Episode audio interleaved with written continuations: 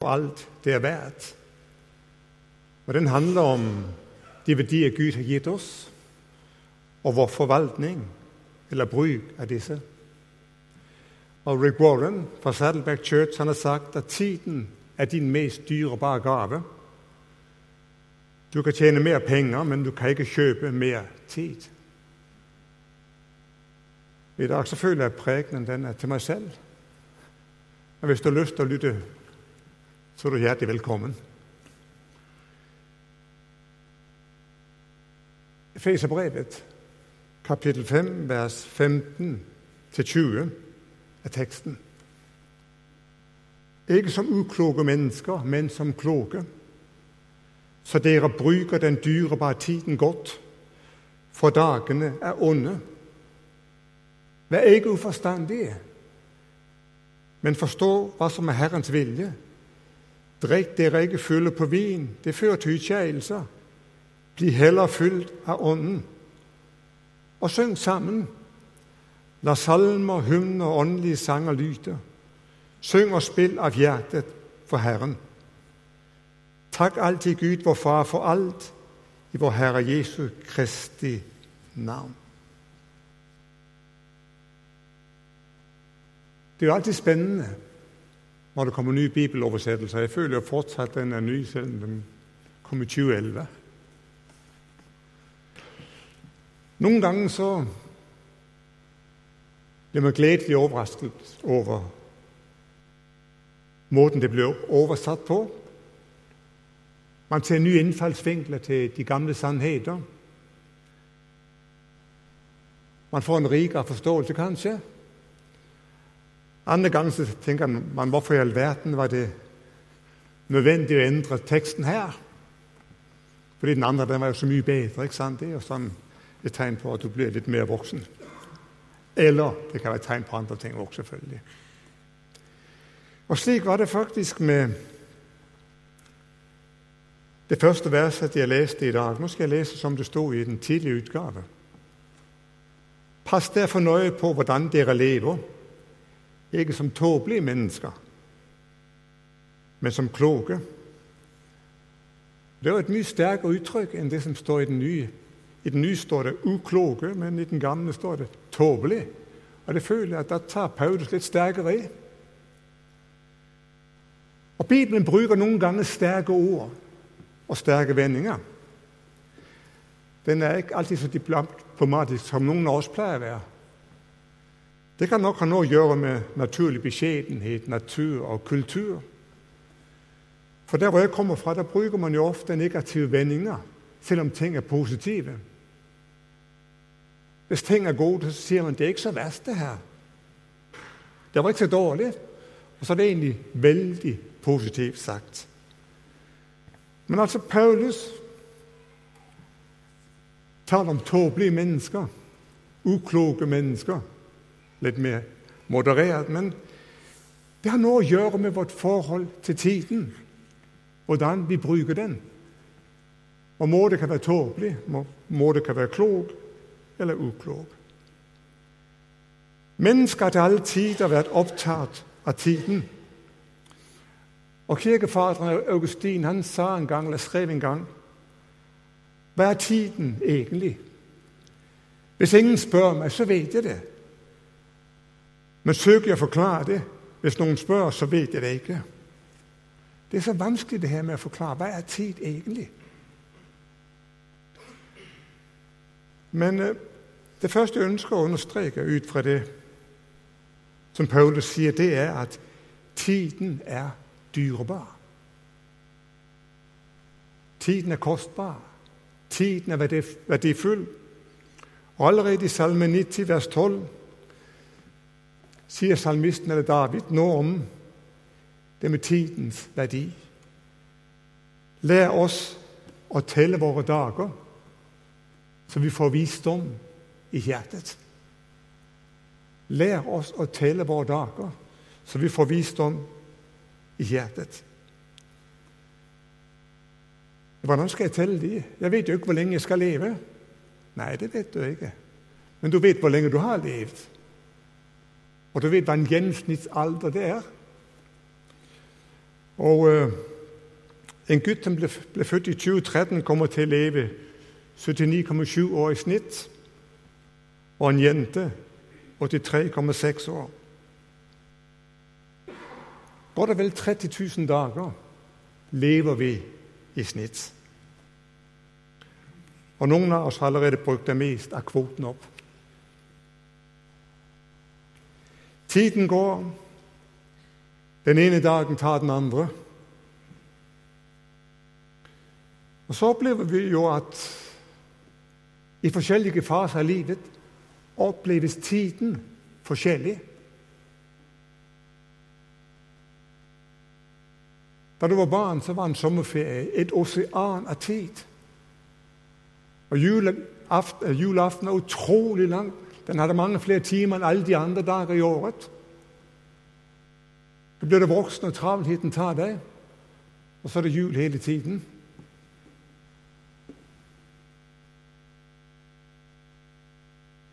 Maleren Ferdinand finner seg en gang, også om tid. Det er tider i ens liv der år er som dager, og det er andre tider der dager er som år. Noen har alltid noe å fylle tiden med. Noen har nesten ingenting å fylle tiden med. Vi er så forskjellige, og livsavsnittene er så forskjellige. De gamle grekere filosoferte over ganske mye, også når det gjaldt tiden. Og de hadde to ord for tiden. Det ene ordet det er kronos, det vi har i kronologi. Det handler om sekunder, minutter, timer, dager, måneder og år. Det handler om fortid, nåtid og framtid. Og I sin mytologi hadde en gud som bar navnet Kronos. Han var et kort, liten gud med muskuløse ben. Han hadde vinger på hælen.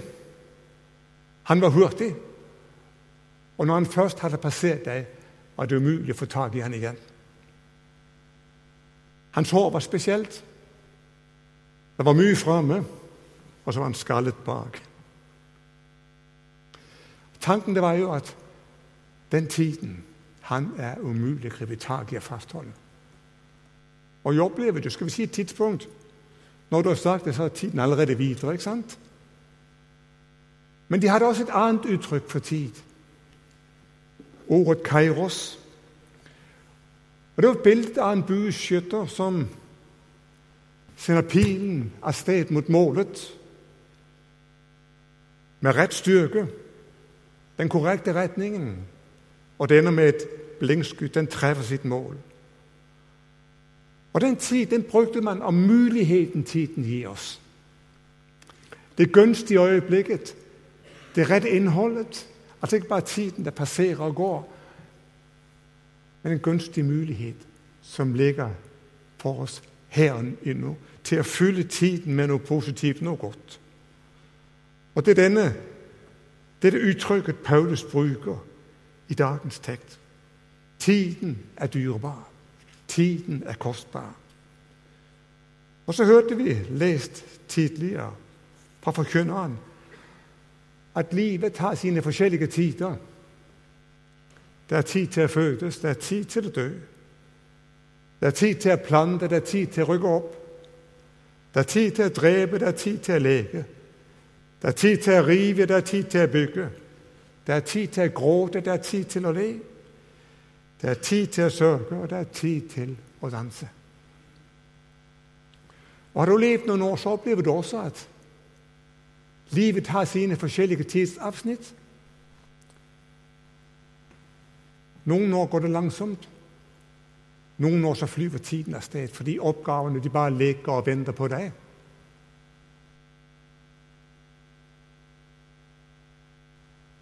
Hvert avsnitt har sine krav, og hvert avsnitt har sine muligheter. Det kan også være forskjellige tider i, i forhold til, til, Gud og forholdet til Ham. Nå skal jeg lese et vers fra Det gamle testamentet, fra profeten Jesaja, kapittel 55, vers 6. Og da sier profeten, søk Herren mens han er å finne. Kall på ham den stund han er nær.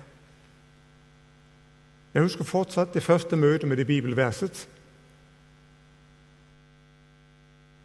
Og Da det var lest og det var forkynt over tenkte jeg det kan ikke være sant. Det står det i Bibelen. Søk Herren mens han er å finne. For jeg trodde at Gud alltid var å finne. Og Gud eksisterer jo. Gud er evig. Har alltid vært til og skal alltid være til. Men hilsenen som går både til deg og til meg, det er at det er tid i livet hvor det er enklere for oss å søke Gud. Det vet du fra deg selv. Det vet du fra historien. Det er tider hvor vi på en spesiell måte kjenner Hans kall, hvor vi kjenner Hans berøring, og hvor det bare reiser opp og sier 'Herre, her er jeg'. Andre tider hvor Han kan virke så fjern, hvor tanken ikke er til stede på å søke Gud i det hele tatt. Og Så tror vi ofte jeg kan utsette til i morgen. Hva vet du om morgendagen? Kan hende det er flere ting som binder deg i morgen. Kan hende lengst inn er borte, du ikke hører røst lenger. Søk Herren mens han er å finne. Kall på ham den stund han er nær. Det finnes gunstige øyeblikk hvor du på en spesiell måte kjenner det, og da må du gi til. Da må du gi svar. Så har vi et gammelt uttrykk som heter besøkelsestid. Du har kanskje hørt det før. Og øh, Et raskt søk på nettet viser at det fortsatt er i bruk i mange forskjellige sammenheng. Og Det går på å utnytte den gunstige anledning vi har her og nå. Og Egentlig så er det et gammelt bibelsk uttrykk. Og Det er fra palmesøndag, da Jerusalems befolkning med glede tar imot Jesus Kristus. Hele byen er i bevegelse. Og så står det om Jesus at han gråter. Og så sier han Du forstod ikke at tiden var kommet da Herren gjestet deg. Det er tider også for fellesskap hvor Herren på en spesiell måte ønsker å berøre oss. Det er tider til å så, det er tider til å høste. Det er tider til å rive ned, det er tider til å bygge opp. Og det er tider med gylne anledninger som må gripes. Vel, så mister vi kanskje muligheten. Fordi vi ikke var våkne nok. Så velger Herren andre å gå til.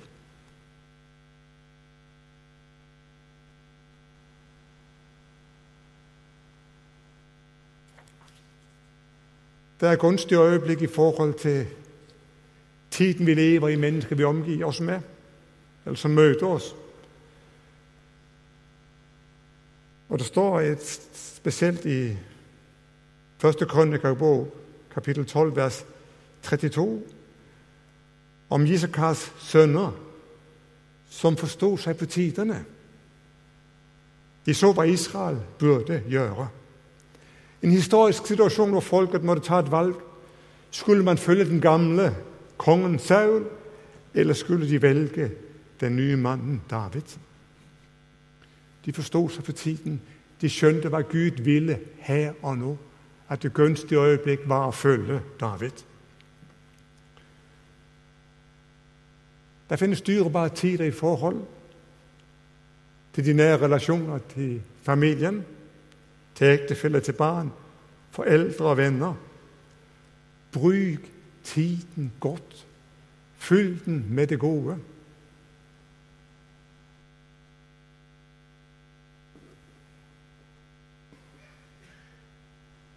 Jeg har noen ganger tenkt, og det er spesielt når ting endrer seg i livet Når noe som er fasttømret Det kommer en ny tid for deg og familien. Fikk du brukt tiden som du skulle? Fikk du sagt det du skulle? Fikk du gjort det du skulle? Når barna begynner på skolen, når de flytter hjemmefra, Skjønner du? Fikk du sagt det du skulle? Fikk du gjort det du skulle? Jeg husker fortsatt en eldre her som sa ta godt vare på de her barneårene. De flyr så hurtig. Og jeg har noen ganger sittet og snakket med fortrinnsvis enker i 60-årene som sa vi hadde gledet oss sånn til pensjonsalderen. Så ble det ikke noe liv sammen likevel. Ta godt vare på mulighetene, for tiden er dyrebar.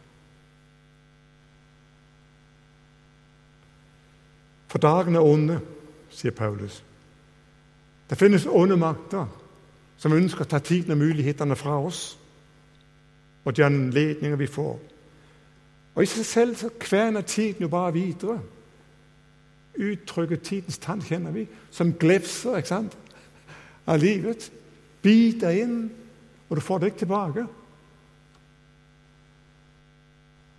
Og da er det Paulus sier bruk den dyrebare tiden godt. Eller som han egentlig sier Kjøp den dyrebare tiden. Kjøp den rette tiden. Å kjøpe, det er å investere. Og tid kan ikke kjøpes for penger. Det eneste som kan kjøpe tiden i denne sammenheng, ja, hva er det? Jeg skal lese vers 15 en gang til. Pass derfor nøye på hvordan dere lever. Den kapital du har i dine hender, det er ditt liv. Det er en merkelig kapital. Den kan ikke settes i banken. Du kan ikke gjemme den på et sikkert sted. Hvis ikke du bruker den, så mister du den. Og Hvis du ønsker å bevare den, så bruk den. Og Da vil du til og med oppleve at kapitalen vokser. Se derfor nøye til hvordan dere lever. Og Det som jeg på en måte har blitt stille for i dag, det er det som er det store problemet. Å være til stede her og nå. Leve midt i livet med alt det jeg er, alt det jeg har, alt det Gud har gitt meg. Og være til stede denne søndag formiddag på Guds tjeneste. Å være her nå.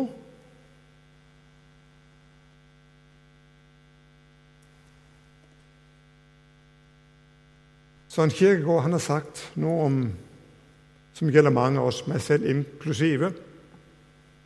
Og Det er sagt veldig filosofisk, så jeg skal ta det to ganger. Vi er fraværende i det nærværende og nærværende i det fraværende.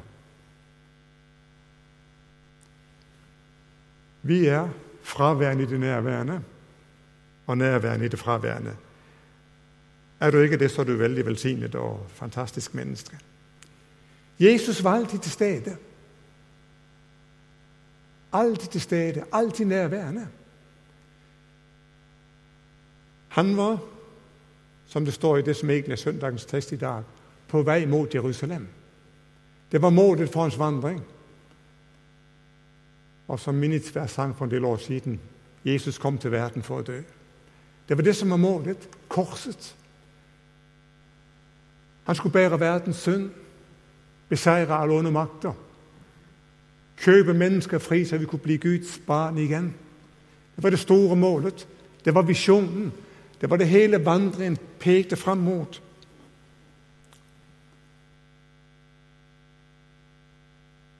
Og likevel så var han nærværende. Her og nå. Og denne søndagen,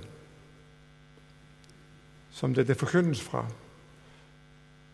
så fortelles det i et annet evangelium, Markus evangeliet, at noen kommer gående så sitter det en blind tigger ved veien som de andre ikke bryr seg om, men som råper på Hans nåde 'Herre, miskunn deg over meg.' Og de andre ber om tid stille. Da stanser Jesus opp.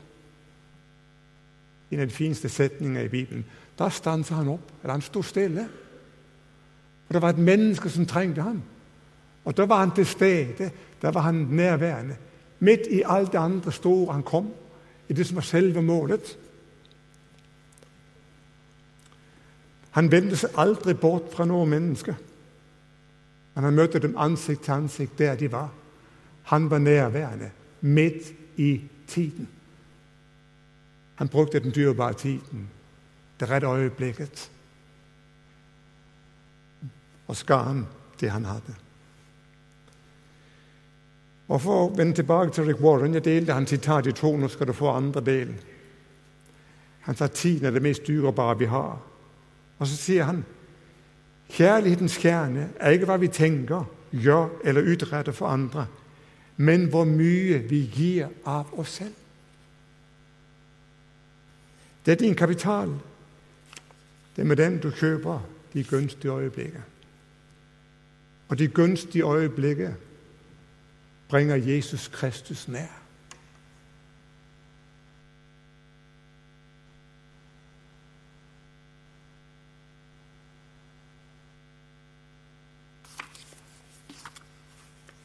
Og Så går vi videre. Teksten taler oss om å bli fylt av Ånden. Skal du kjøpe den rette tiden? Skal du bruke den dyrebare tiden? Bli fylt av Guds ånd.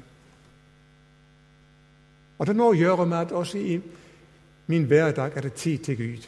Tid til Gud når vi kommer til Guds tjeneste. Tid til Gud når du er for deg selv. Enten rommet, i naturen eller hvor som helst. Men tid til ham. Tid til å dele, tid til å ta imot.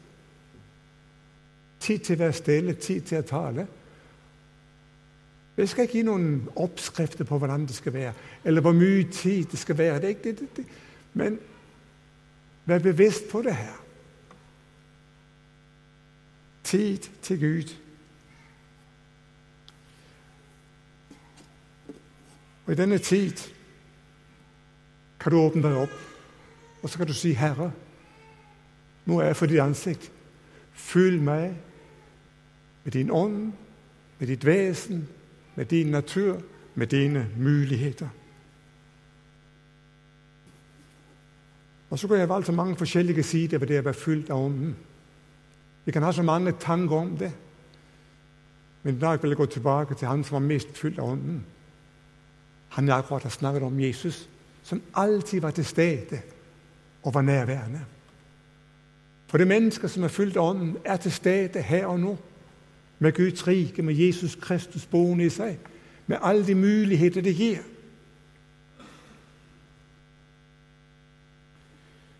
Så kjøpe den rette tid er å utlevere seg til ham og la seg føle av det som er hans. Det er så mye annet vi kunne fylle oss med. Paulus nevner vinen. Jeg har snakket mye om det, men jeg skal, bare la det være. Men det finnes andre ting vi fyller oss med.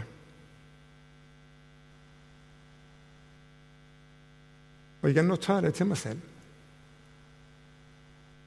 Alle de timer vi bruker på forskjellige typer skjermer, små og store Jeg sier ikke vi ikke skal bruke TV, jeg sier ikke vi ikke skal være på, på nettet.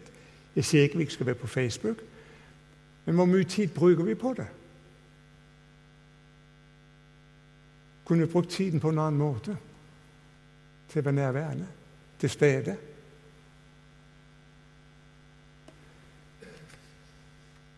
Man har jo regnet litt på det her, den, og det er FN har regnet ut, at den globale gjennomsnittspersonen, altså gjennomsnittspersonen utover hele verden, har, bruker nå så mye tid på sosiale medier, medier at det forledet over livet vil bli til fem år og fire måneder.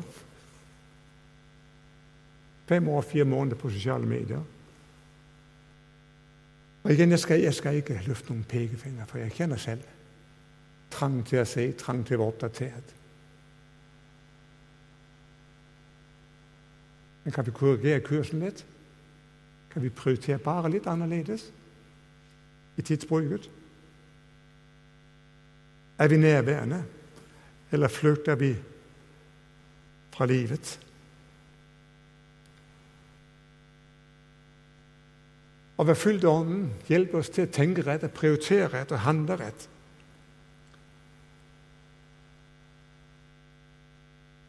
Å bli fylt av Ånden handler også om at vi får noe å gi hverandre.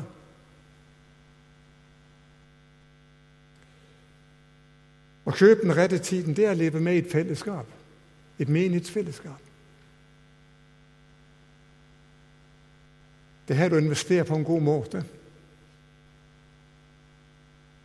Et fellesskap hvor du tjener sammen med andre. Et fellesskap hvor du gir noe det Herren betror deg. Si fram på hverandre salmer, og hymner, åndelige sanger. Syng og spill av hjertet for Herren. Det er å tjene hverandre, det er å tjene med, med andre. Å være fylt Ånden det er også å være åpen for de muligheter Herren vil gi oss utenfor kirkerommet, i møte med andre mennesker. Kolosserbrevet, kapittel 4, vers 5 og 6. Gå fram med visdom blant dem som står utenfor, og bruk den dyrebare tiden. Det finnes muligheter. Det finnes åpninger.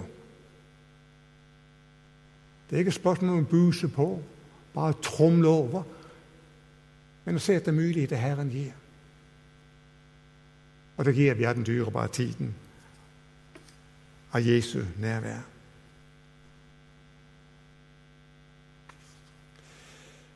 Å kjøpe den rette tiden, det er å takke Gud.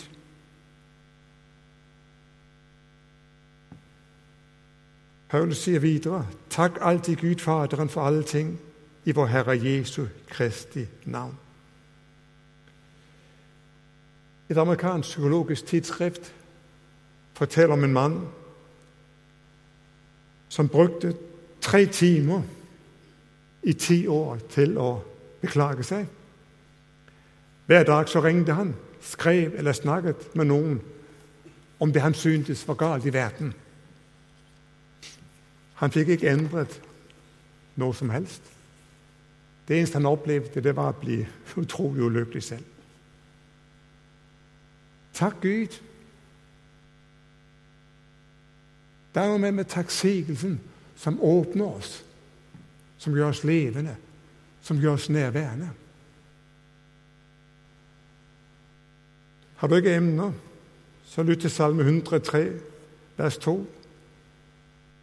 Min sjel lov Herren, glem ikke alle hans velgjerninger. Sett deg ned og tenk igjennom alt det gode Gud har gjort i ditt liv. Når jeg går igennem Efeserbrevet kapittel 1, vers 3 og utover, alle de åndelige velsignelser som er dine.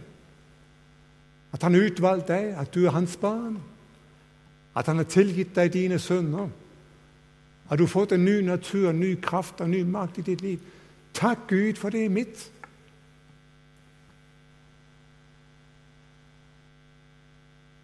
Takk Gud. Ja, det er ikke så enkelt med mange vanskelige ting vi møter, mange vanskelige mennesker. Men hvis du leser brevene til Paulus igjennom, så begynner han stort sett alltid med å takke Gud for menighetene. Også der hvor det var vanskelige og kompliserte tilstander. Og så kan du si Han var en stor psykolog, for han begynte med det positive, og så skulle han komme med formaning etterpå. Det kan godt hende, det. Men samtidig så mener han det. For takksigelsen gjør at vi ser på hverandre med andre øyne. At vi ser muligheter. At vi åpner oss for Guds verden og det Han kan gjøre. Takk for alle ting. Gjør det i Jesu navn. Og takk for det du har i Jesus Kristus. Og takk fordi at du i Jesu navn er i stand til å møte alle ting.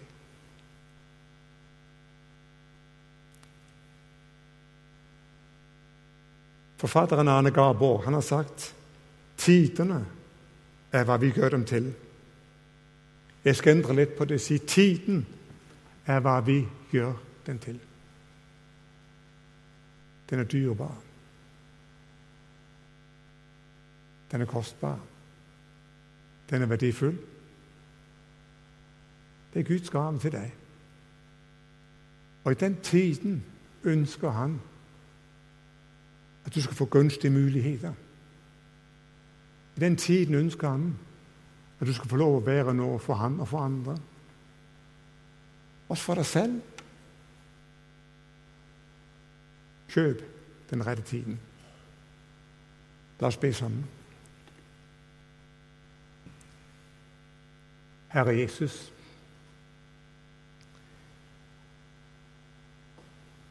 Du kjenner oss hvis vi er samlet denne formiddag til gudstjeneste. Alt ligger åpent for deg. Hjelp oss til å forvalte denne ressurs du har gitt oss, så vi kjøper tiden på rett måte og bruker den. Amen.